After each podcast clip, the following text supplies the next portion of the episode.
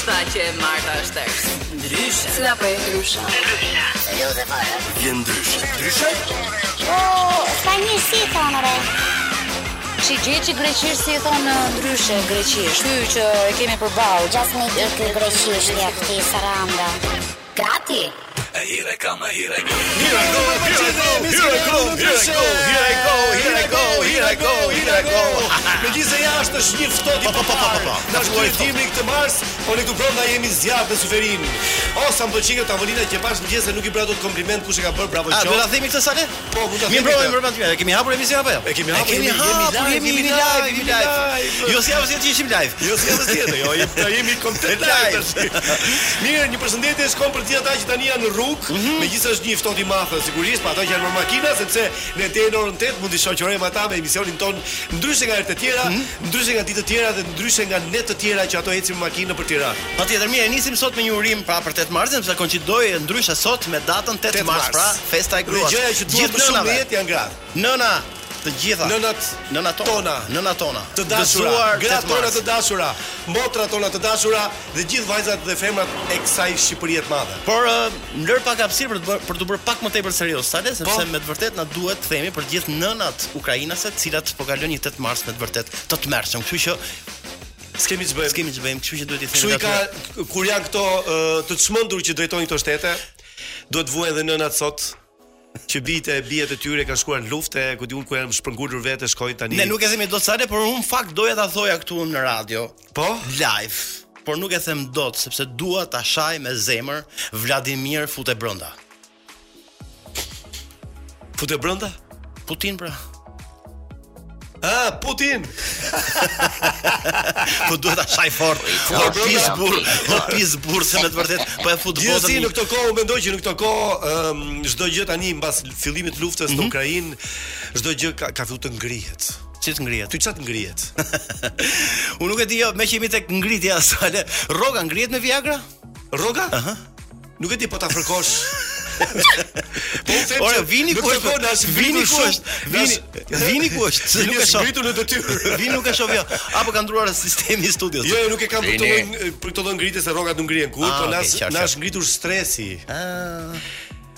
Noizy jo, eh, po stresi. Na është ngritur shumë ankthi. Është është ngritur shumë shtatzania fiskale, jo barra fiskale. Na është rritur shumë, na është rritur shumë gjoksi. Oh. Nga frymëmarrja flas. Nga që ankthi e bën. Qartë, qartë. Të rritet gjoksi, herë pas here rritet gjoksi. Qartë, qartë.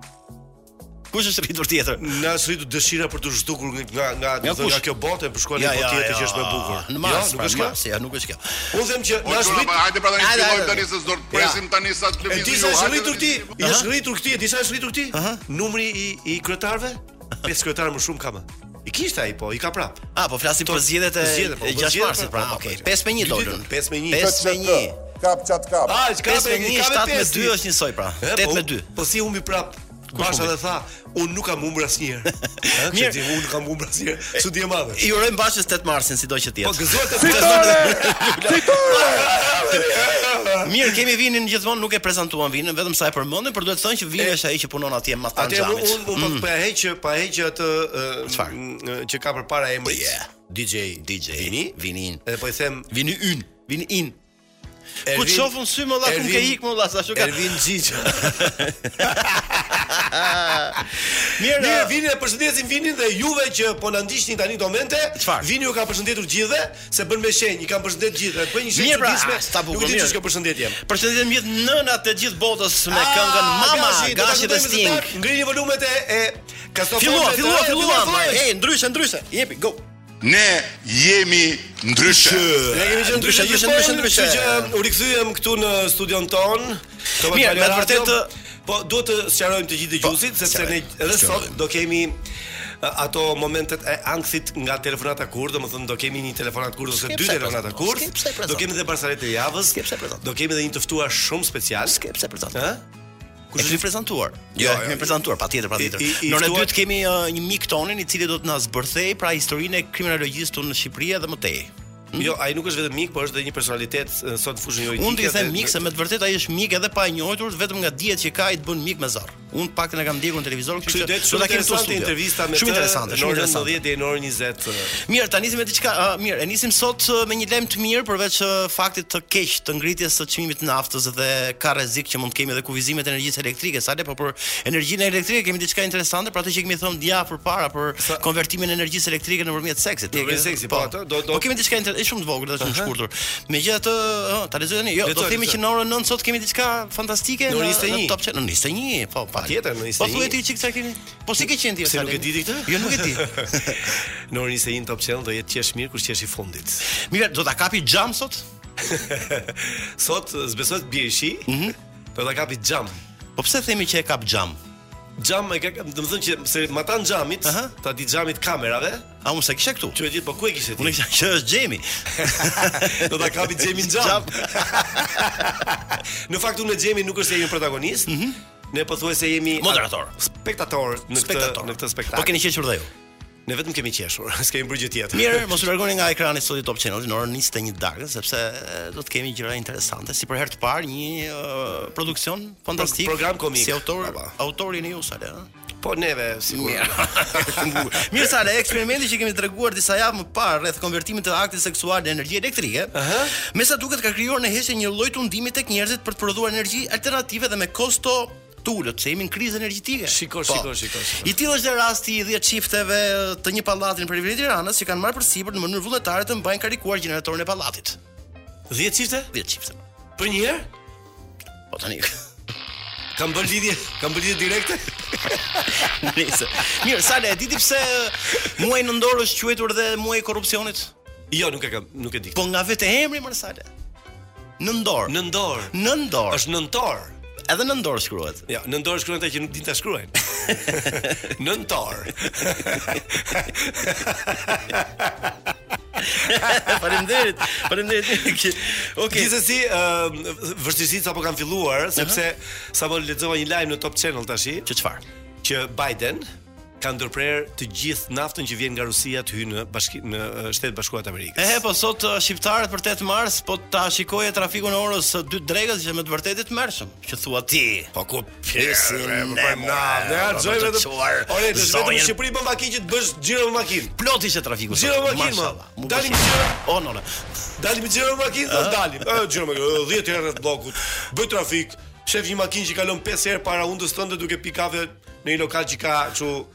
Baçe. Po Sale si ke qenë ti? Unë kam qenë shumë mirë. Vënd të vënd. Të të të të të diçka interesante. Më lexo diçka Është më bukur. interesante. Sipas studiosve britanikë, Oh, po kjo që është shumë inter- më interesante se numerologjik, mendova. numerologjik, Numerologjik. dhe astrologjik, Oh, numri 6 dhe ato që mbarojnë me 6 në ditët kalendarike Po studiuesit, ë, janë ditët më perfekte për të bërë seks. Ato me 6? Po. 26 për shembull? Po, 16, 16, gjashta. gjashta. Dhe këtë e shpjegojnë fare Qershori. thjesht dhe qartë. Pse? Aha, pse? Kur erdhën në jetë numrat dhe bashkë me to dhe ditët e muajit, jo rastësisht u la që numri 6 të quhet six. Six, six. Po, në, në nga anglishtja po. Po, shkruhet six, six, Dhe shqiptohet sex apo jo? Po.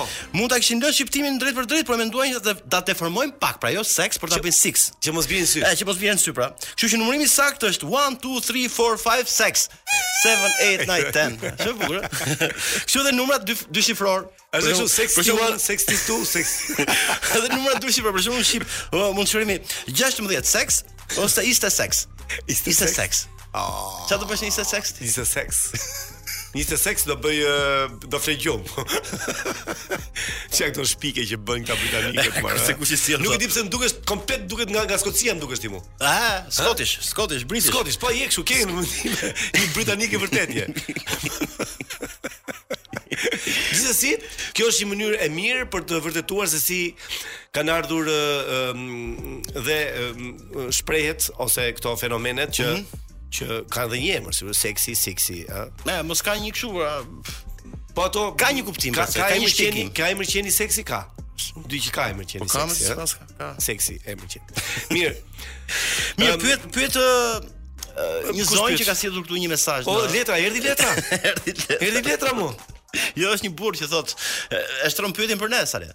Hë? Thot, uh, dua një përgjigje prej jush, thot se nuk e di pse pse gruaja nuk po ma ha më peshkun. Ah, aman aman. Këtij gruaja nuk e ha peshkun? Nuk po ma ha më peshkun. Mos ndoshta peshku i tij është i palarë? Gjino, ba, fikun. Peshku i tij është Peshk i vogël pa shije. Se po të ishte peshku i madh e kishin kapur këta të qeverisë. Këto shteti ynë, domethënë, Nëse çka shqetësimi pseti. ka ë, ka boll Po shqetësime. mbase ajo do vetëm kokë peshku. Ku i dihet? Ndoshta, ndoshta. Nuk i pëlqen Tall peshku si. peshku. Ta peshku, Varet do si ka do punë. kru, e do krudo apo e do kështu, kthejmë pas pak? Mirë. Po mirë, ç'do bëjmë? Dëgjo, um, unë mendoj që këtë këngë që të kë kjo është këngë e votrës është? Ë? Kur të kam pranë. Përshëndesim gjithë ato që kur ka pranë njerëzit e dashur, dëgjojnë. Ti bëj pyetje Salës, po nuk e. Më bëj pyetje. Më bëj pyetje se kemi kohë, më bëj pyetje. Tani është shprehja Salë. Gjuha shkon ku dhemb dhëmbi. Po. Ty ku të dhëmb Salë?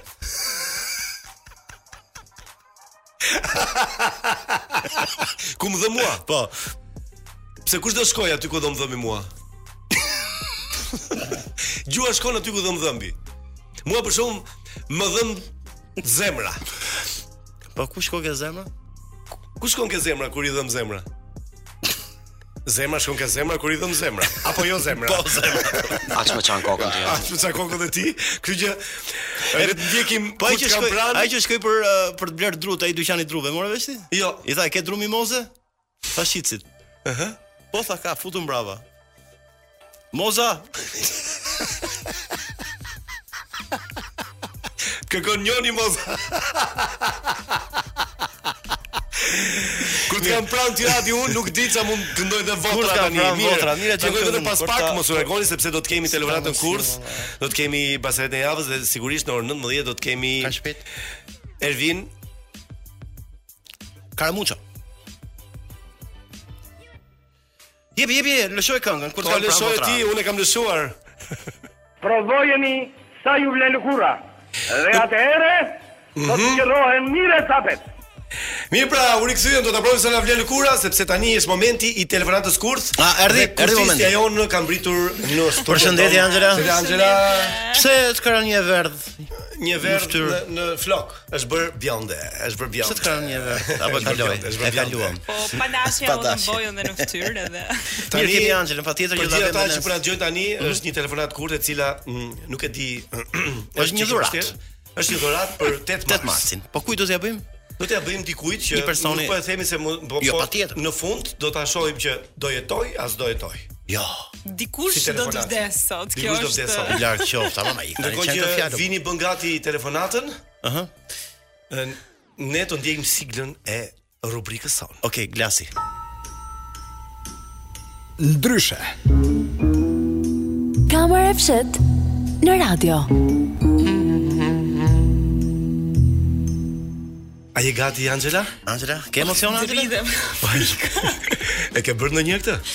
Po jo. Asnjëherë. O po po. Çfarë po, po, fundi ti? Ne presim telefonatën. Shpresojmë të hapi, sepse është një moment i vështirë që edhe mund mos ta hapi, por gjithsesi. A ti e di? Sigurisht që e di. Pse të ka ikë ngjyra fytyrës? Më ka ikur çik se nuk di si do reagoj. Mirë, është një buqet, një dhuratë për 8 mars. Pra. Po, dhurat Kjo telefonat kurth. Po, mhm. një buqet kurthist. Kurthist, po, që mban era kurth si lule. 8 marsin gëzuar. Kushdo që të jesh. Po bjeri numrit. Kamera s'e kap dot si më dridhen duart.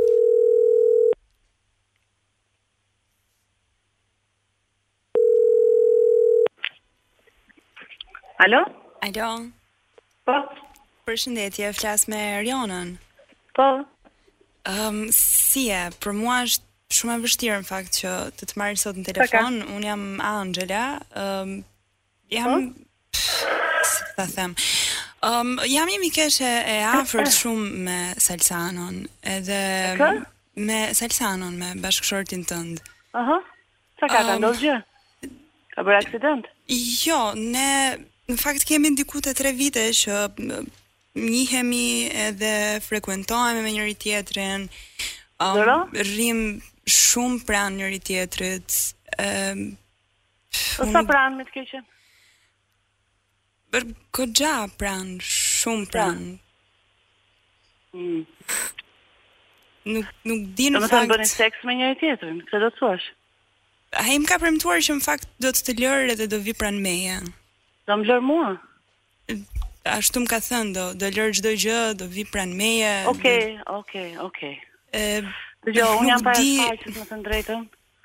Uh, Angela se? Po. Sa vjeç je Angela? 25. E tetë apo e pes? E pes, pes. E pes. Nuk ishte, kishin mbaruar burrat e tjerë të keqën, a? Unë nuk dija gjë. E, nuk... A, s'e dije që është i lidhur, jo.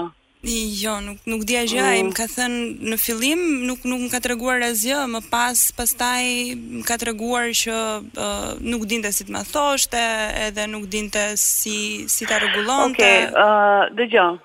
Ë uh, Faleminderit për këtë telefonat. Shikon, nëse ti do, nëse nuk më beson, i kam të gjitha jo, jo, fotot, jo, kam çdo bisedë që sa do nga unë, sa do nga unë.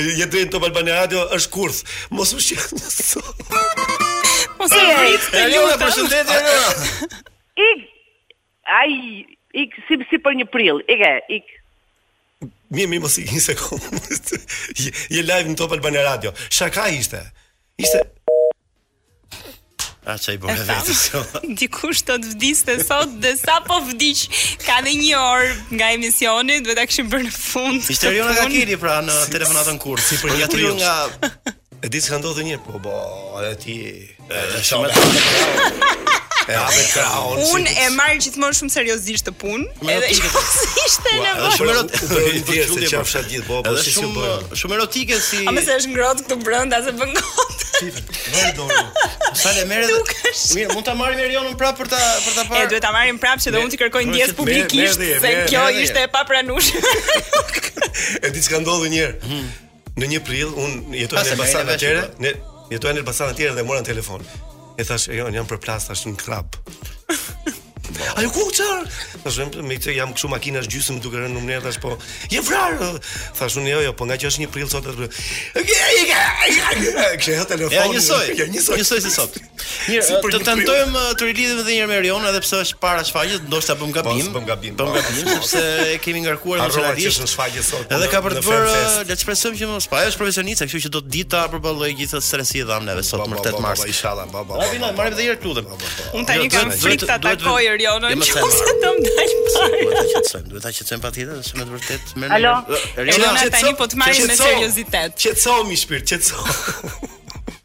Pa, po, ama, tani gjete moment për t'u tallë Gjëthën Jo, jo Jo, që se misë Jo, a di që a vërë mirë, po Po, domethënë Ishte tetë mars, e thash, unë ti e di që unë në momente të tilla Po, ishte të merë, më pusë për shtatë, më...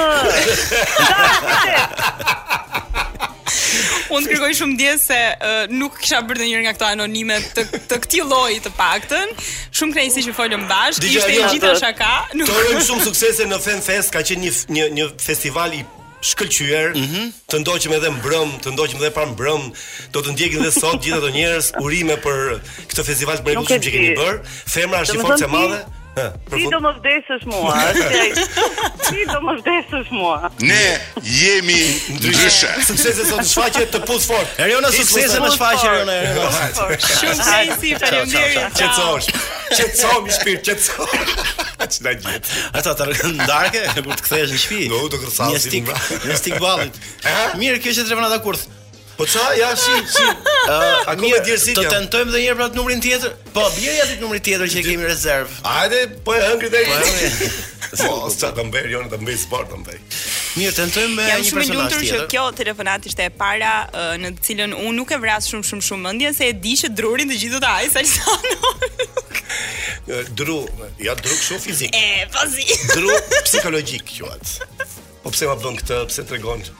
Ej, po sa e bukur është, mi merremi. Merremi. E do, merremi. Merremi, a do? Ani, ke bon, s'ke qaj bo, e keq. Jo, pa di në shpirt tim, ça kërkon prej meje? Ça do prej meje? Ça do? Ai më që nuk të çak.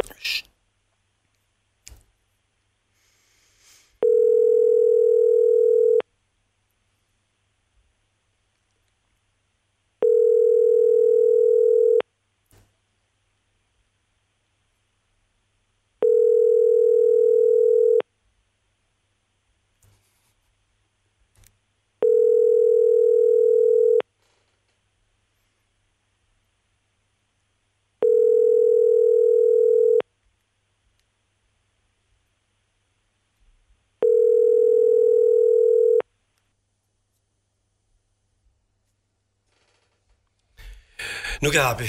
Ëh. Uh, nuk e hapi. Është është që e si më ka telefon, që e ka telefon, dhe i bie zilja.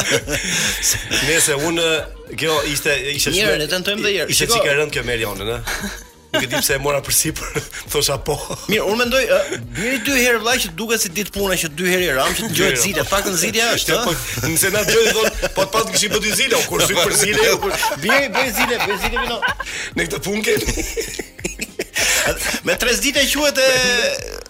Misioni, misioni i mbyllur.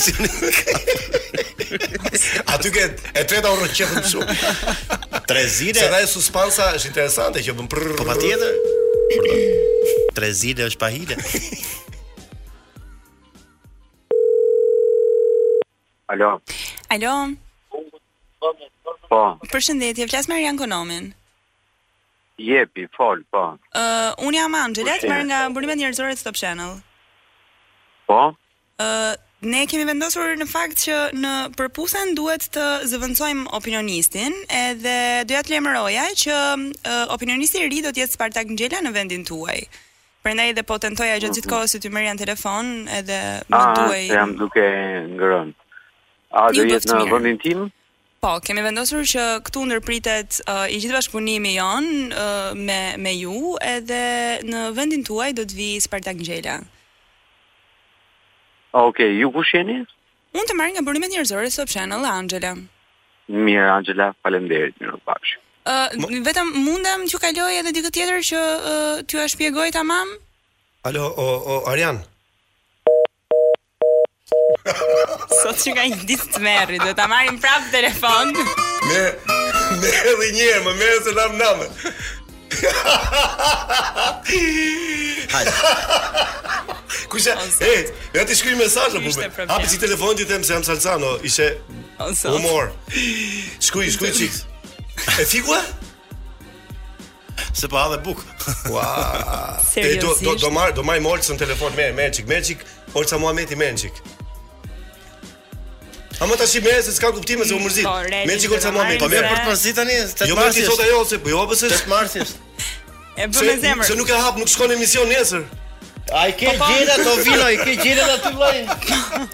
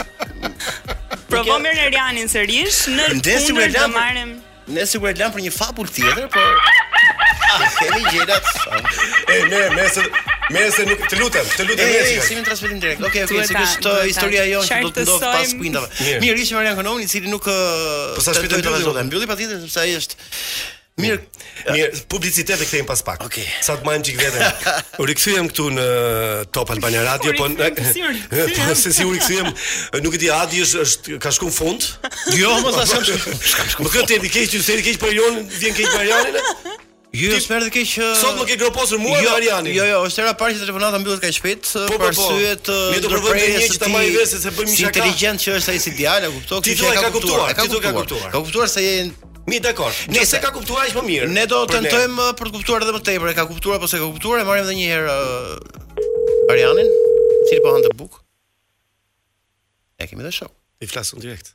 Okay. Ti e ke dhe shok. Jo, ka mua vetë. Po pra.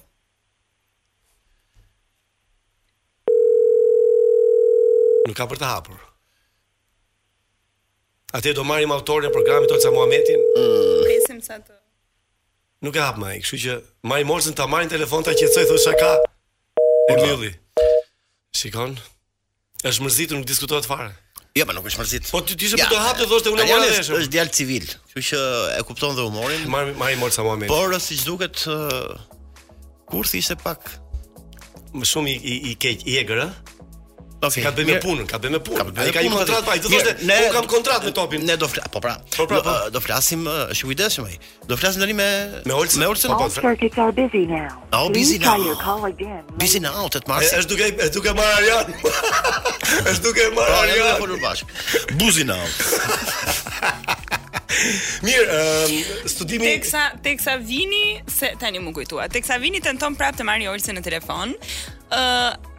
dëgjova pak më përpara nga Adi që uh, hmm. sqaroi për emisionin që është mirë kush është i fundit që nis sot në 21 të mbrëmjes. Është busy now Anxhela. 21 e mbrëmjes. Adi ashtu the, apo jo. Hmm. Dhe po. mund mund të them që po, Anxhela po. ka qenë stafi i Një sekond tani, ty do të dalësh për tjetër. Po 21 e mëngjesit cila është? 21 mëngjesit, s'ka 21 mëngjes. Po sepse do të specifikosh për. Ah, që thash 21 e mbrëmjes. Është saktë, është saktë, është saktë. Por mund të thësh 9 më dhe PM pra. 9 PM ose 21 00. Mirë, faleminderit Anxhela për Ti do ta shikosh emisionin sot apo jo? Jo, unë kam për vete po. Do ta shikosh emisionin? Po patjetër do shikoj. Bile do ta bëj dhe tatuazh. Logo. Jo, ti gjithë emisionin. Se bëhet tatuazh në video tani kraj. Di ti apo jo? Video po, po, tatuazh. Po bëhet tatuazh, po patjetër. Çu i lëvizshëm. Ja bizi bizi bizi, bizi në ato bore ka marr ai Olsen dhe na fliqi po them. A ka a marrin ato bora zemani më, mezi bora zemani më. Ose merr një nga konkurrentët, merr një nga konkurrentët e përputhen dhe bim rehat. Po jo, më po bora zemani të paktën. Mos e masë na ha bora.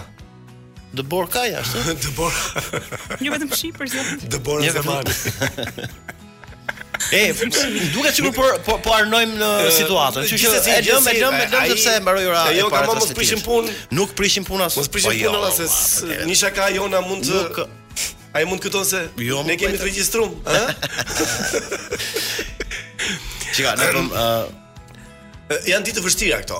Njerëzit janë stresuar, lufta i ka panikosur. Un kam një shokun tim që thotë kam shumë frikë nga lufta, mund të vi këtej, mund ai është budalla, mund të shtypi butonin. Mirë, me që jemi këtu, okay, me që jemi këtu sale pa vërt, me të vërtetë që frika dhe paniku është shtuar shumë ndër njerëz, sepse frika e madhe që mund të përhapet lufta atje që zhvillohet në Ukrainë, mund të përhapet në gjithë Evropën. Por të paktën humori këtu nuk është ngritur si çmim. Jo, jo. Nuk është ngritur, kështu që ne e mbajmë ulët, aq sa më bëjmë. Aq, aq është çmimi. Ne, aq është çmimi. Bile do ta ulim. Do ta ulim çik çmimin? Do ta ulim patjetër. Do bëjmë humor më shumë dhe pak lek. Po, patjetër. Çfarë më presin tani? Come on. Jo, nuk e njeh si numër si dytë. Mirë, u pa puna tashi duhet të bëjmë një kontakt direkt me atë, do t'i shkruajmë. Do të shkojmë te restoranti ku po han bukë. T'ia paguajmë ne darkën, po ja paguajmë ne darkën. Anxha faleminderit. Faleminderit Anxha, ishte shumë shumë për këtë muaj, është shumë saktë sot. Për këtë problematik të madhe që na solle sot. Ka nisur shumë çuditshëm ky muaj mars për mua, nuk di. Kemi kemi që në orën 5 që vetëm ankthe kemi.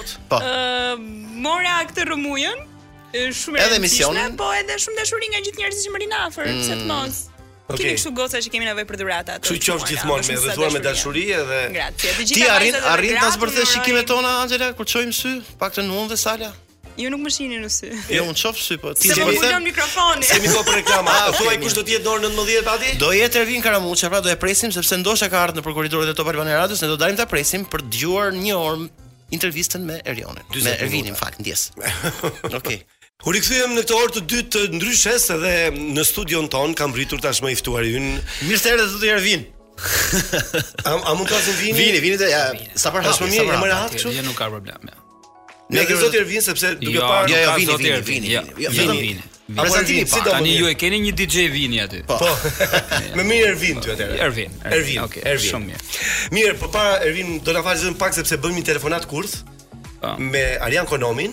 Nuk do të marrim shumë kohë. dhe i i thamë që ti nuk do jesh më opinionist në Përputhen. Do të do të zvendësoj me me Spartak Ngjelën, u mërzit e mbylli. Duhet ta sqarojmë se Okej. ai ka Tani një është marrëdhënie momenti i top- pajtimit. Okej, Okej, okej, është okej. momenti i pajtimit. Momenti i Kthesa, pajtimit. kthesa. Ndërkohë që DJ Vini na bën muzikë, inshallah po e hap, ë.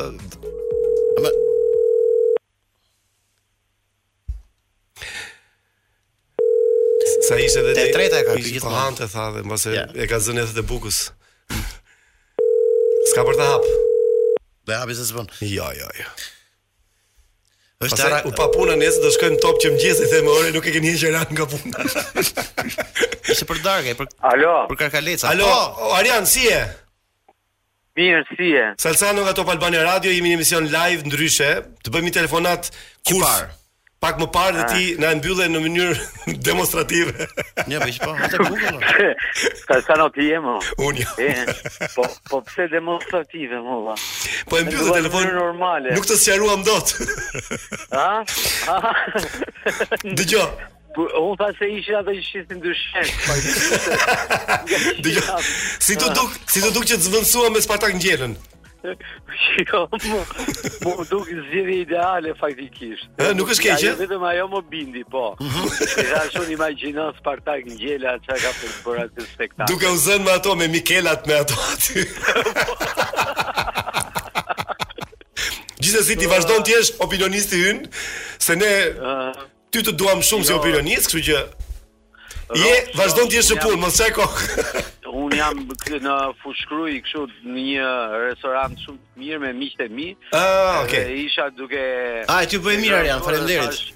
Faleminderit edhe ty, thashë ku ku paska qënë kjo, thashë, këtu, isha dhe duke relaksuar te hotel Nirvana, thashë, ti. O, ba, mos bërë ka pasi, ka e dhe kërë kama, ta atë. Nuk e tojtë që jam, nuk e tojtë kërë i stjarë. Në rregull, mirë, mos fol për, për litar në shpinë e të varurit, se ne vdiqëm për të ngrënë. Okay. Jezi, faleminderit shumë, të përshëndes, të përqafoj. Të përqafoj dhe unë, rofsh. Për një moment, për një moment, e besova momentin e parë, pastaj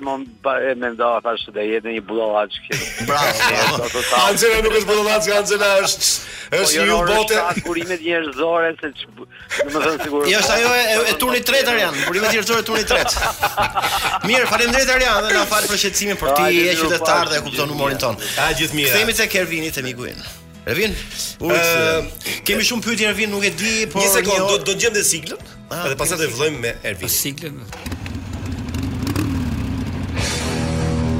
Ndryshe. Ndryshe. Rock politik. Rock politik quhet rubrika jonë, sepse e kemi marrë nga Adriano Celentano dikur ka pas bërë një emision rock politik, ka bërë namin në Itali. Po ngaqë ne kemi ftojmë gjithmonë politikanë, po dhe njerëz që merren me politikë, po dhe gazetarë. Dhe zgjedhja jote për të të marrë ty në emision ishte shumë e veçantë sepse ti je një specialist i kriminalistikës. Ë? Jam profesor i kriminologjisë dhe kriminalistikës në Universitetin e Tiranës. Dhe jo vetëm, se ne japim mësim edhe jashtë vendit. Po, po, e di. Shiko, po të lexosh uh, kurrikulumin e Ervinit, besoj se nuk i del emisioni për të marrë deri në fund. Po, ja, dy faqe, dy faqe kam lexuar, kam printuar unë dy faqe të përmbledhura. Fakti që erdha, i hoqëm dorezat, Ervini Vini, do të thotë që këtu unë kam shumë qejf, ish madje kam pasur shumë dëshirë që të vij përpara. edhe për një fakt që në fund të një dite me 4 orë, 5 orë leksion, edhe dua të qesh dhe unë në fund. Po, në fakt nuk do të qeshësh shumë.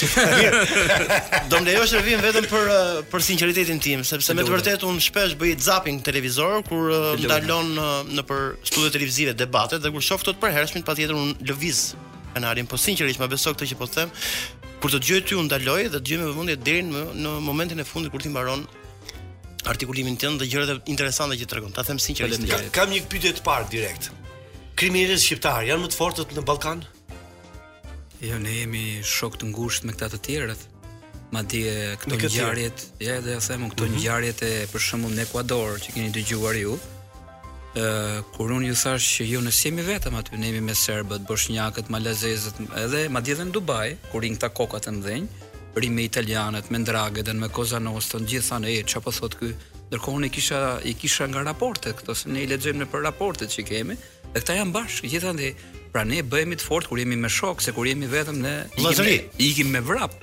Se kam dëgjuar një gjë shumë interesante për mafian shqiptare në Francë. Po. Dhe francezët ishin shumë ë ë, të çuditur, po dhe ë, si me thënë, ë, të pamundur për të zbuluar kriminelët shqiptarë sepse thanë nuk ka kokë. Janë të gjithë të parë. në fakt një raport që ka qenë i ë i Scotland Yardit para disa vitesh që fliste për kriminalitetin shqiptar thoshte këta janë amalgam. Amalgam siç kemi Po, po, përdorur ne mbushjen për dhëmballë, dhëmbë, po, për dhëmbë, po. sepse ë nuk infiltrohemi dot për t'i përgjuar, t'i spiunuar, se janë sipas krahinës, sipas familjes së tyre dhe nuk pranojnë njerëz të tjerë. Të tjerë. Dhe kjo e bënte shumë të vështirë dhe zbulimin e tyre. Po që kur filluan pastaj telefonat e celularët e makinat e shtrenjta, op, këta u identifikuan menjëherë se nuk e mbajmë dot ne atë presionin. Po, ne, ne ku të dalë të dalë, do blejmë makinë të shtrenjtë, se një çikë me u dukë. Ato teknikat speciale të hetimit që i mësojmë ne studentëve, edhe infiltrimi që është pjesë e kësaj, nuk nuk depërtonin dot tek bandat shqiptare në atë kohë. Aq të sofistikuar ishin. Domethënë shumë, jemi, shumë janë të zgjuar uh, kriminelët shqiptarë. Janë në uh, tmerrësisht të zgjuar, por nuk e kanë nga shkolla. E kanë nga përvoja. E kanë nga intuita, e kanë të lindur. E kanë të lindur. Po, po e kanë të lindur. Unë kisha këtë pyetje në fakt, kriminel kriminelët lindin domethënë apo? Madje jemi nga bandat e pakta të rrugëve fillimisht. Mm -hmm. Që me atë teorinë e madhe që po që e përmendëm dhe më parë, e Blackburn-it, krimeve të krimeve seriale të organizuar dhe të paorganizuar, këta janë të organizuar, pra janë shumë inteligjentë. Ndërkohë që krimi i rrugës gjithmonë është i paorganizuar, domethënë është spontan, kalon aty vjedh diçka, ikën. Jo, këta janë një ushtri e tërë e disiplinuar, që çdo gjë e kanë me një organizim perfekt dhe është një kokë e kanë, por ai është primus inter pares, pra nuk është shefi i tyre. Është i pari midis barabartëve. Midis barabartëve. Po, ky është një organizim komplet ndryshe se si na vjen ne dhe na përcillet. nga raportet ndërkombëtare dhe si ne ua japim studentëve të krahasuar kjo me bandat organizatat e tjera kriminale qoftë edhe me mafian në vetvete. Po po për shembull, a ka ka kështu teorira po them psikologjike që ti mund ta dallosh një kriminel nga pamja e parë? Ë, këto janë teori që janë madje janë të 1700 1800 që flasin për Lombrozon, për Bekarian, janë kriminologët e parë, madje ka qenë ë ka pasur edhe në Francë ë studiues që janë marrë me antropologjinë. Madje shumë nga këto gjurmë të gishtave, pamje e jashme. Po nga kjo pa dita ku i çitur nga nga mënyra se si shprehen me duart me këto dallon kjo. Kjo është pak më e vonshme. Më e vonshme. Kjo, po. Kjo pashë me në 1940-ën e kemi labanizmin. Labani ishte një balerin hmm? dhe ai mbasi mbaronte atë ditën me me kërcimet e tij, mbante një manual ku shkruante gjithë këto plastikën, pamjen e trupit, shprehit, mimikën dhe ai regjistroi po bëri një manual goxha të madh të cilën e morën më pas shërbimet sekrete angleze dhe e përdorën sepse teoria e tij është që ne 40% tridhjetë e pesë, dyzet për qind ne flasim, pra komunikojmë me fjalë, shtatëdhjetë i kemi me gjuhën e trupit. Me lëvizje gjuhën e trupit. Ah. Jo vetëm gjuhën e trupit ajo që njohim ne që un kur mbaj një bryl kështu dhe rri, edhe ti më kupton që un jam i mërzitur ose i lodhur. Jo. Që nga zmadhimi i pupilave të syrit. Ë Pra ka alfabet tjetër po pozicioni i vetullës. Lëvizja e vetullës, e ballit, e buzëve, e kokës, gjithçka, frymëmarrja jonë, tensioni arterial, rrahjet e zemrës në momente të caktuara, djersitja e duarve, gjithçka hyn te body language. Çdo gjë, ah. domethënë është një manual shumë i madh. Dhe gati 60% është dhe është flitet konverte. Për shembull, kemi një aparaturë tani që ta dini edhe këtë, që të mos gënjeni më. Mhm. Mm Aparatura e fundit është shpikur në Utah, në Shtetet e Bashkuara. Kjo makina e së vërtetës si thotë? Converus, jo kjo është e fundit fare, që edhe në distancë të kap. të kap çfarë je, të kap apo gënjen apo jo dhe çfarë emocioni po përjeton.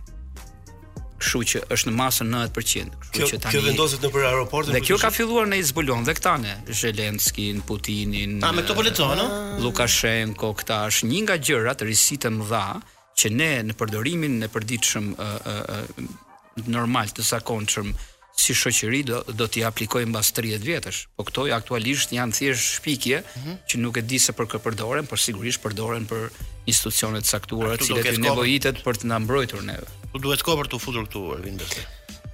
Për të patur dhe ne një aparaturë të tillë. Si mendon ka specialistë të mirë në Shqipëri kriminalistike? Që këto këta derisa kemi oficerët e policisë gjyqësore. Derisa kemi një zbulueshmëri deri diku të kënaqshme të lartë do të thotë që ka. Që ka. Po a është e vështirë të zbulohen krime? Ato krimet e vështira normalisht nuk janë zbuluar në Shqipëri. Dhe për sa herë ne kemi ngritur duart lart që më kemi kërkuar ë eksperiencën edhe asistencën e, e qoftë edhe të FBI-së në rast në ngjarje shumë të mëdha që kanë ndodhur dhe ata kanë ardhur, kanë dhënë asistencën e tyre. Flasim për ngjarje ku janë vrarë njerëz në po, po. demonstrat, në në shpërthime të ndryshme etj etj. Ervin duhet të të bëj ca pyetje që do, është pyetje e lehtë faktikisht për uh... edhe të vështira, më unë këtu jam, jo, këtu jam, po, unë këtu jam në provim në rregull. Ti janë të vështira, por është një pyetje që shkon për shtat atyre që unë uh, i has rrugëve në biseda me njerëzit. Tani situata kriminale kemi pranuar që është pak e rëndë, le ta themi. Jo pak, është e rëndë. Është e rëndë. Është. Jemi të parët në rajon. Për dhe si e tillë pra i ka rënë policisë kjo barrë për, për të parandaluar uh, krimin.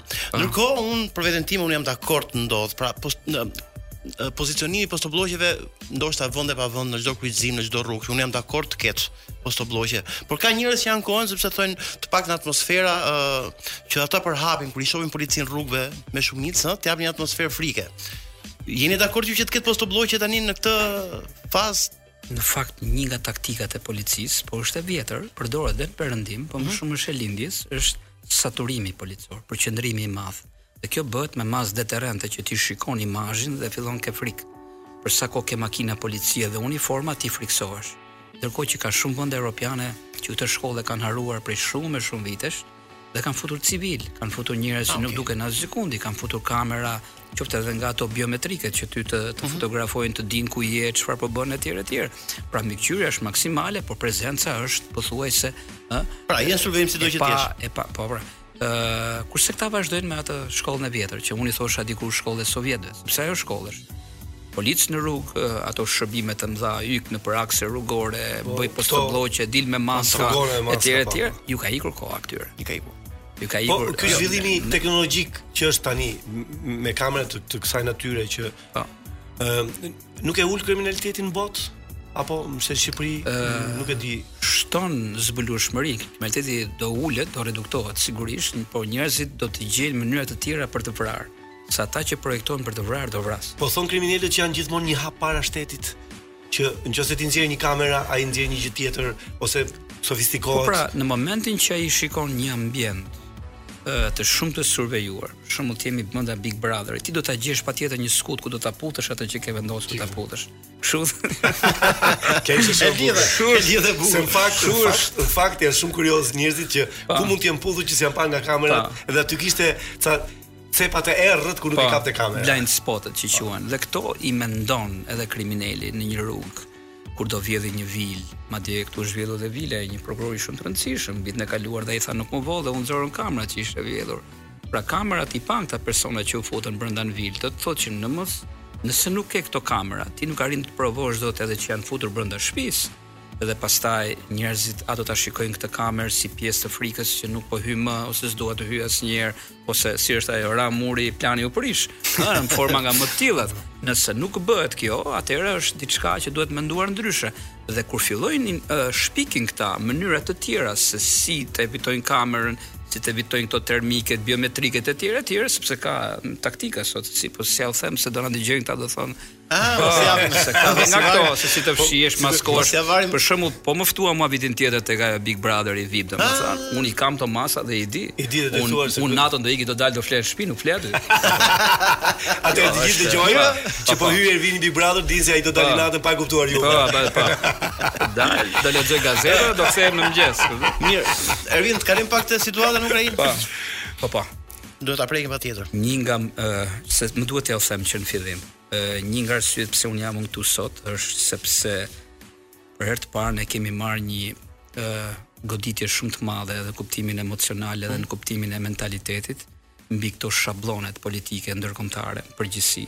të cilat janë edhe vijnë edhe shikohen edhe preken në realitetin tonë shqiptar, ë ku ne zgjidhjen e gjejmë nga politikanët konvencional. Jo, zgjidhja që këtej në vijim do vijë nga njerëzit e thjeshtë, do vijë nga aktorët, do vijë nga njerëz të cilët na bëjnë të buzëqeshim çdo ditë dhe un për këtë arsye kam ardhur që në datë 25 korrik të vitit 2022 Unë do të nxis një debat të madh publik që Salsano të bëhet president i Republikës. Ha, të bëhet Zelenski shqiptar. Ne nuk do presim. Na na bëre na bëre ndyrë me tjerë, se një nga gruaja. Ne nuk do presim në Shqipëri të ketë një luftë që të zgjedhim një aktor për president. Ne do ta bëjmë të para se të kemi një luftë. E si do të rrojë robi, po që po që pata një ndjesi kështu që. Madje janë bër katër profilizime, i kemi bër kështu edhe për edhe për shaka aty në fakultet. Do ta dish dhe këtë se është sekret tek. Vërtet? Bogdo Qallaku, ë ë Ermal Mamaqi dhe juve, të katërt. Dhe kush fitoi? Ti. E jo. fituar ti, po. E fituar ti për shumë arsye. Pra, sot jemi këtu me presidentin e Republikës së pra, Shqipërisë, nuk ka sa ditë person. Sa sa që i afrohet më shumë sot, jo. sot Zelenskit a jeni.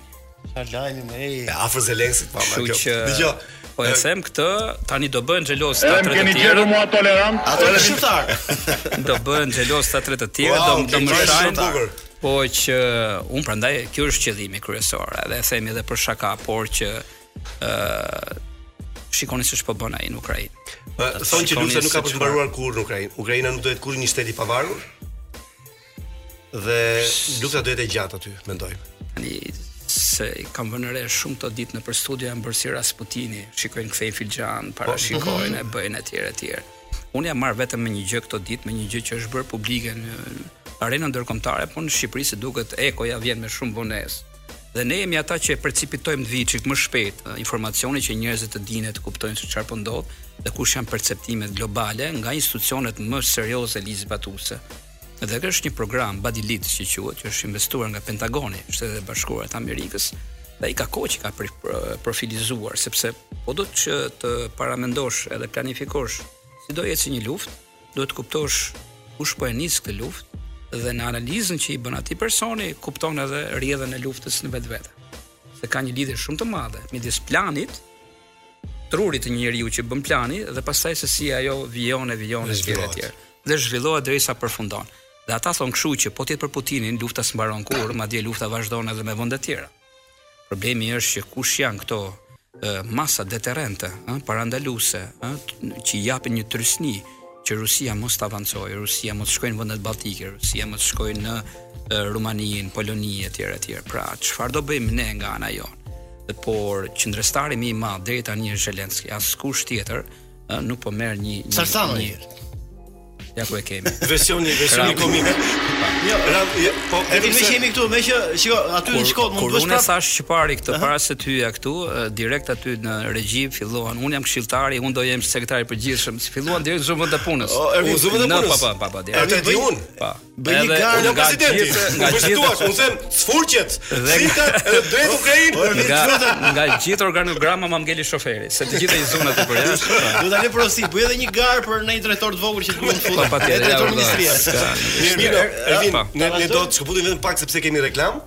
Po. E do të kalojmë pjesën e dytë, mund të kemi dhe një bisedë rreth 10 minuta dhe Patjetër, çe rekore sa doni me presidentin Edhe Marin. po, është është është puna që ti je aq që ëm Ke aq informacion. aq aq ë, pedagogjia jote e treguar e gjërave është aq kështu, më thon, të thith, të përthith, Ah. Do vim edhe më te shpesh. harron që të harron që ikin minutat. Do Mirë, bëjmë një do bëjmë dhe një leksion live ndonjëherë kur ta kemi. Patjetër, Po një mos u gjë lar- interesante që ia vlen, domethënë pse vrasin njerëzit.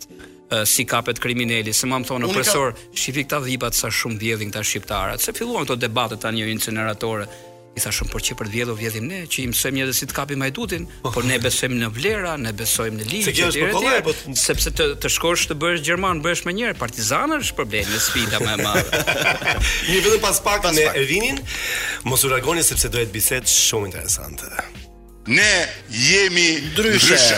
Ne ndryshe kemi qenë gjithmonë, po sot jemi më ndryshe nga çdo herë tjetër, sepse biseda po bëhet jo, shumë interesante. Biseda vazhdon edhe kur ka hapësirë publicitare, sepse me Ervinin nuk ngopesh së dëgjuari gjithë informacionet që ai jep. Mirë Ervin, dalim edhe një herë tek puna e Ukrainës. Jam shumë kurioz të di nga uh, pikëpamja juaj.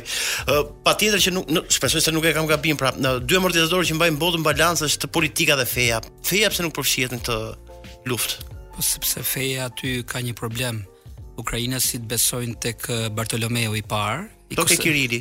Kurse ata rusët e Kirili i Moskës, patriarku i Moskës, madje një nga gjërat që ka si ideologji edhe ushtria private, ata kriminelët e luftës Wagner që quhen, ata janë që duhet të janë me ideologji neo pagane të sllavizmit, që duan ta kthejnë prap sllavët siç kanë qenë dikur në origjinë. Ta dëgjova pra edhe para po, pak ditësh po, pra, nuk duhet të jetë kompozitorin e famshëm gjerman Wagner. Sepse ë uh, Jutik ky uh, komandanti këtyre, gjenerali ish Spetnac, që mhm. është mm -hmm. komandanti i ushtrisë private ose policisë private, se kshu e kanë të regjistruar. Mm -hmm. Ai i dëgjon shumë Wagnerin sepse beson në Rajhun e tretë. Po po, oh. po po. Po, edhe kur flet Putini për eh, nazistë dhe për neonazistë, Ukrainë. Unë filloj qesh sepse ai nëpërmjet këtyre i ka çuar në Siri, i ka çuar dy herë në Grozni, në në mm -hmm. në mhm. Çeçeni, kanë bërë krime lufte të jashtëzakonshme. I ka çuar në Mali së fundi. Ai sa rrezikuan jetën e ushtrisë franceze aty, sepse u futën në gjithë ato posedimet e, e naftës së kështu edhe i morën i morën këta. Po këta kanë dhe diçka që këta kur shkojnë në luftra nuk paguhen. Këta janë si para 2000 vjetësh me plaçkë lufte. Pra këta çfarë gjejnë aty e marrin, e ndajnë, e shesin edhe janë tamam kaçakë. Po, okay. Po po, po po. Dhe këta e kanë kanë një problematikë shumë të madhe sepse ë vrasës me klering. Nuk po, këta nuk pushojnë asnjëherë. Këta janë të paguar dhe shkojnë gjithmonë në luftë. dhe janë vetëm të programuar për të vrarë. Po në Ukrainë këtyre ju ka ndodhur një gjë, që ballë për ballë ju është vendosur regjimenti uh, Azov.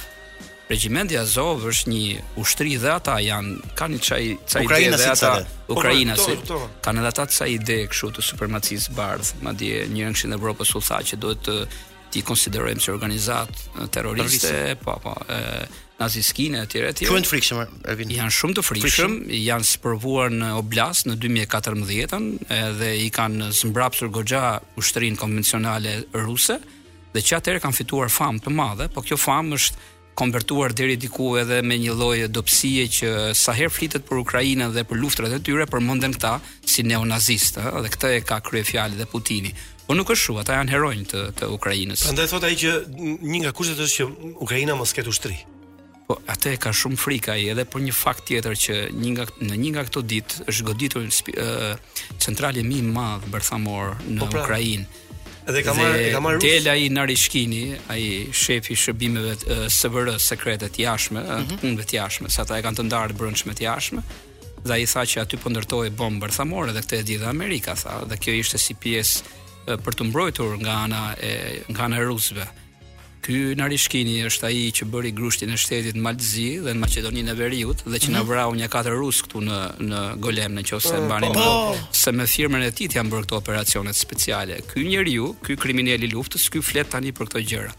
Prandaj mos i marrim shumë nga ana emocionale. Ajo historia është mbyllur Ervin e këtyre katër jo, turistëve rus. Jo, është bërë një eksperiment nga ana e NATO-s, madje ne thamë në atë kohë që do ketë një nuk është një gjë e zakonshme dhe ashtu doli që nuk ishte një gjë e zakonshme, madje erdhën ekspertë e NATO-s dhe ajo është tani është klasifikuar, është top secret, është oh. sekret shtetëror.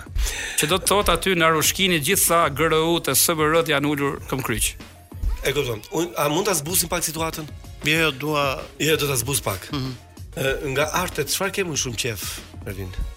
Do të thotë muzikë, film, libra se me librat, librat e kem, pa lexuar librat ne na nxjerrin nga klasa ata studentët, se ata edhe ata lexojnë shumë. Lexojnë shumë parasysh, edhe mos jesh në një kështu optikë të ngjashme, çka kanë parë ata, çka ke parë ti, pastaj është problem aty. Po televizion konsumon, shikon televizion? Televizion shumë. Shumë. Po zakonisht sidomos këto filmat e dokumentarët, sepse ato që i shikoj dhe dhe i krahasoj me ato që studioj më pas, ua jap dhe si link, se çfarë ndodh ne ka dhe një gjë.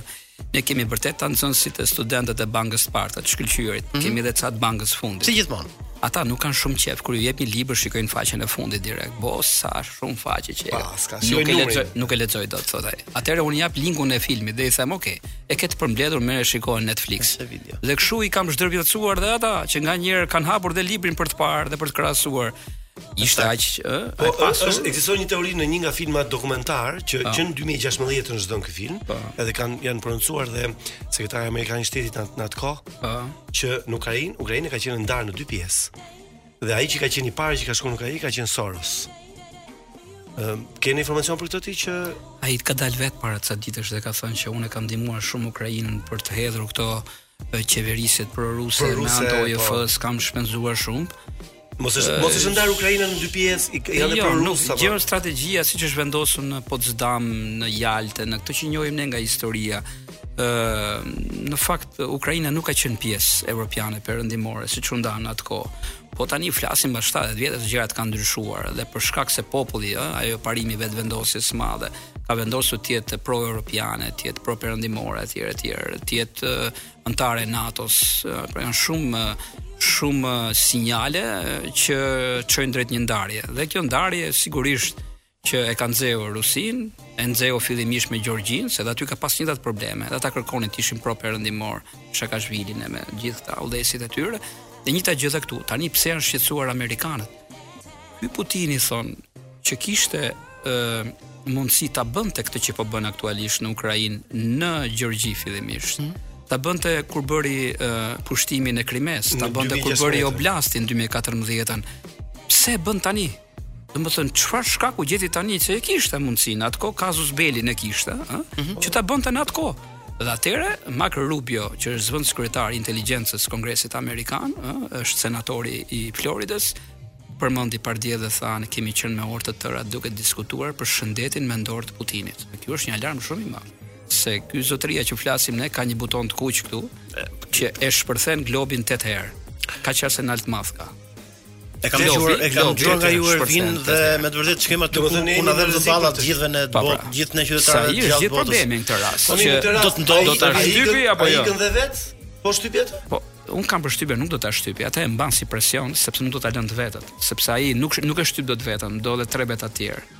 Ata tre veta njërit ka për t'i dhëmbur pasuria që ka vënë mënjanë, qoftë edhe me korrupsion, familja e tij, gjithçka, dhe do thotë jo. Është gjithmonë ky shpëtimi. Ky po, ky është i çmendur. Hajde, hajde ta vrasim këtë, se ai nuk do vrasi veten. Jo.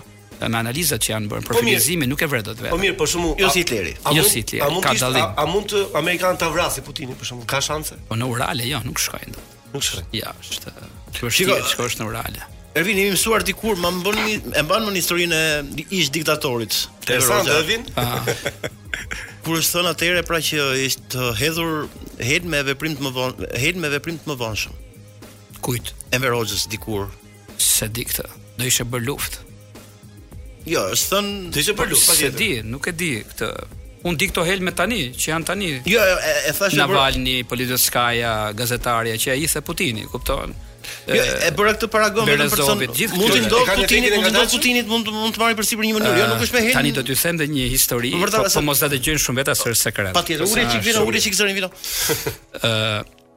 ka pasur një është një histori që lexohet rrallë, po e përdorim ne për këto vdekjet e padukshme që e kemi si studim. Ë ka qenë një ë lidhje e Al-Qaidës në Çeçeni, një person me pseudonimin El Kuwait, i cili fshihej shumë dhe rusët nuk po e kapnin dot. Ai ishte edhe financues i madh i këtyre luftëtarëve çeçen. Atëherë ça bënë rusët në atë kohë, se në atë kohë kanë qenë mirë me amerikanët, kërkuan dhe ndihmën e amerikanëve dhe ulën të dy shërbimet dhe thanë, dëgjo, ty të duhet për terrorizëm, mua më duhet sepse e kam krahinë autonome që duhet ta marr nën kontroll. Mm -hmm. Atëherë të dy këto interesa u bashkuan dhe thanë, ça do bëjmë me këtë zotërin, se ky po na i financon shumë.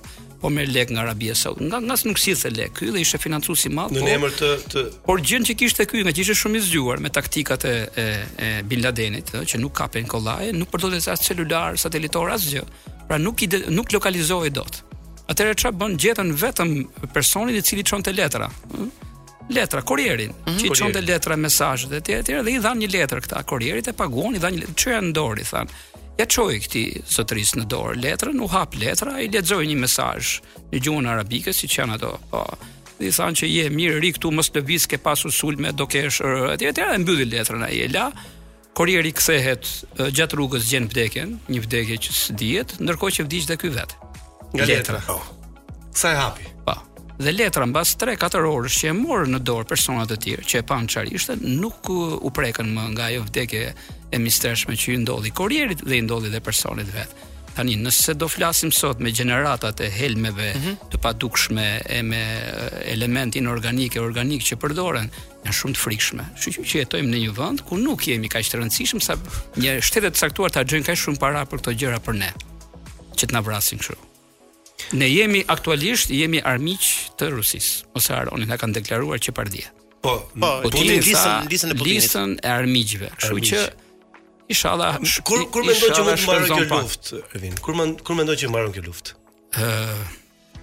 Do jetë e gjatë lufta, do jetë do jetë luftë guerile, nuk do jetë luftë nga ato që njohim ne dhe kemi lexuar ne.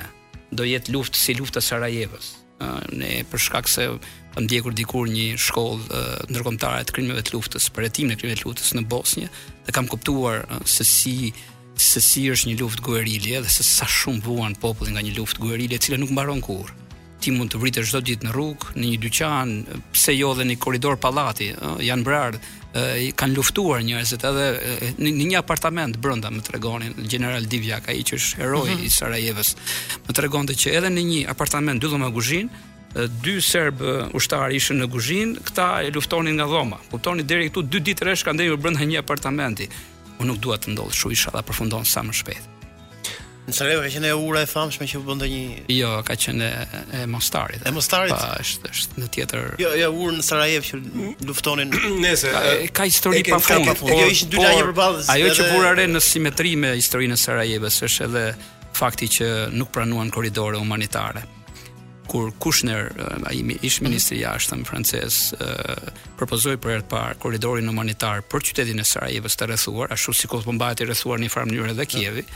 Ata thanë jo, nuk duam ushqime. Domethënë nuk duam të ushqehemi dhe të të na vrasin të ngopur. Duam armë. këtë që po bëjnë edhe ukrainasit. Është e njëjta filozofi, e kupton? Dhe prandaj un i shikoj këto që këto histori nuk duhet të përsëriten më. Domthon popujt nuk kanë pse vuajnë për disa të çmendur. Dhe s'po e them për Lukashenkon. Ai është pas ai është për ta mbyllur. Më trego pak për Lukashenkon se ne për gjys diku. I çmendur. Është i çmendur me me kartel. Se s'e ke thënë më asnjë vend, lutem. Jo, i sëmur? I sëmur. Po po, ai ishte me çrregullime paranoide, është është skizofren. Ë në vitin 99 është arratisur nga Bjellorusia, un kam qenë dy herë në Bjellorusi, mm -hmm. dhe ata kur janë dy kolegë përballë, dy pedagog nuk flasin, vetëm flasin tek e tek se i dyti spionon gjithmonë. Po kanë ngelur po po si vitet 70 wow. tona. Po po, aty është një realitet kom, domethënë aty mund mund të shikosh se si ka se si ke jetuar në vitet 70. Po po. Ai ishte një njeri i çmendur dhe psikiatri i vet, ai që kishte në posedim kartelën e tij mhm. psikiatrike, mm -hmm është larguar në 99-ën, 99-2000 është larguar nga Bielorusia dhe e ka bërë publike kartelën e tij. Dhe ky është përjashtuar, domethënë nga ushtria vetëm për këtë shkak. Sepse mbante automatik natën në dhomë, thoshin oficer, pse e mban? Do vi NATO. Po. Ai ishte po. Si ka mundësi? Si i thonë që që lëshon të plumbat, që që është një që i fluturojnë plumbat, po, fluturojnë plumbat. Tani kam po. jam më bëj shumë kur nuk e di sa është vërtet, po e dëgjova, nuk e kam lexuar diku. Këtu ku jam ambasada jonë është ambasada ruse, Ukrainës dhe Kosovës, është në një rrugë. Edhe zvicerane. Edhe zvicerane, i ndryshuan emrin e rrugës. Ndërkohë Ukraina nuk e ka njoh Kosovën si shtet. Është ky një veprim mm, nëse apo nuk si, po se nuk ka informacion. Ëmë, është po themi që simbolike po. Sa po simbolik po pse duhet ta bëni këtë?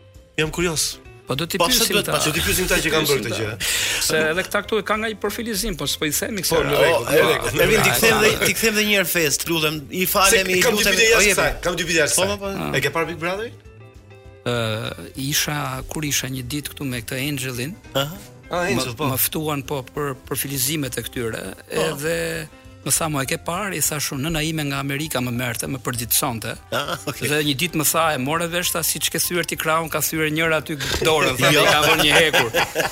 Edhe vetëm aty kuptova që ishte ti, thash edhe finalen që më zuri gjumi sepse e zgjatët shumë kaq. Po, të të dy. Pas e pa dhe po. finalen, mirë.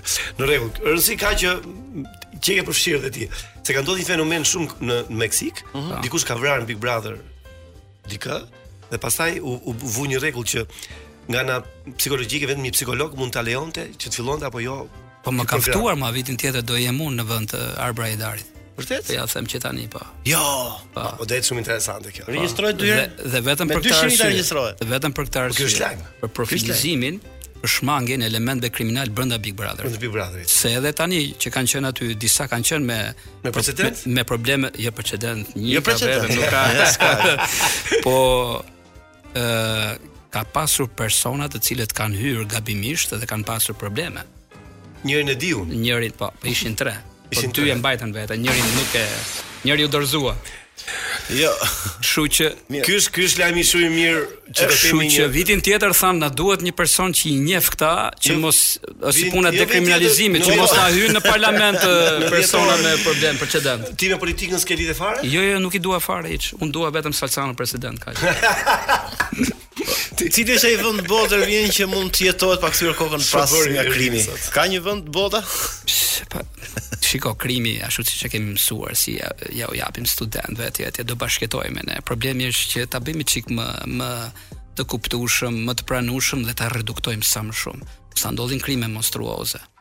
Ë uh, unë po merrja para disa ditësh lek në një bankomat dhe kisha një zonjë mbrapa meje që po priste dhe ajo dhe më thotë zotëri të kam parë ke Top Story te një dokumentar për mhm. krimet e tmerrshme ke folur aty s'më ka zënë gjumi gjithë natën thashë unë para se të shfaqem në gjumin tënd dhe dy herë nuk kam binjak nuk jam unë thash unë merrem do ti doli roja e bankës ky më ky është as ta dhe tha po ai ai më dekonspiroi pastaj se nuk doja ta Kështu që ka njerëz që e përjetojnë shumë, jo, nuk duhet të jetë kështu.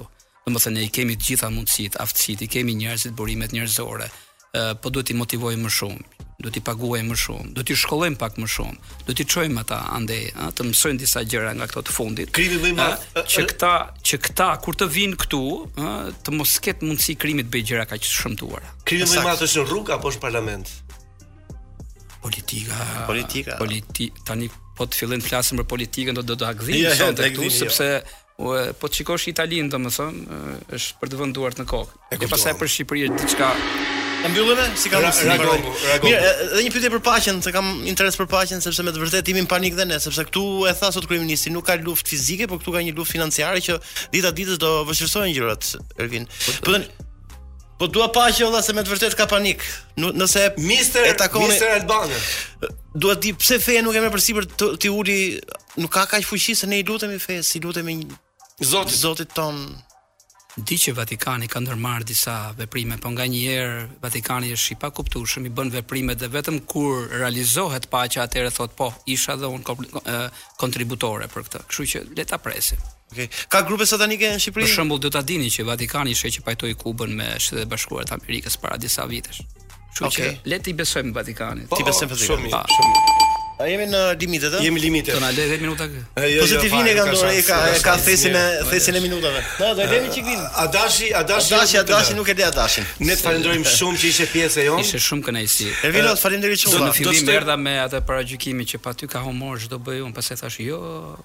Se kujtova Zelenskin, thashë po iki ke Salcano. Po falenderoj edhe gjithë studentët që më kanë zgjedhur mua për të qenë president në këtë zgjedhje që, mm, që keni bërë ju atje në në në fakultet. Çiko, sa kjo është simbolike tani se sepse nuk do të bëjë një president. Por t'i them këtyre të tjerëve, Bogdo dhe këtyre mamaqe do të them, jo për ty thanë ministër, për ty thanë kryeministër. që t'i balancoj se do të fillojnë gjithë po po nuk do t'i lë rrugë jo jo do të okay. gjejmë post gjithë secili shumë mirë unë jam i kënaqur me postin tim emisioni është shumë emisioni mbylle Ervin duke u drejtuar atashit tënd vetëm me një batutë ah. vini mbylle kaq vini mbylle Vini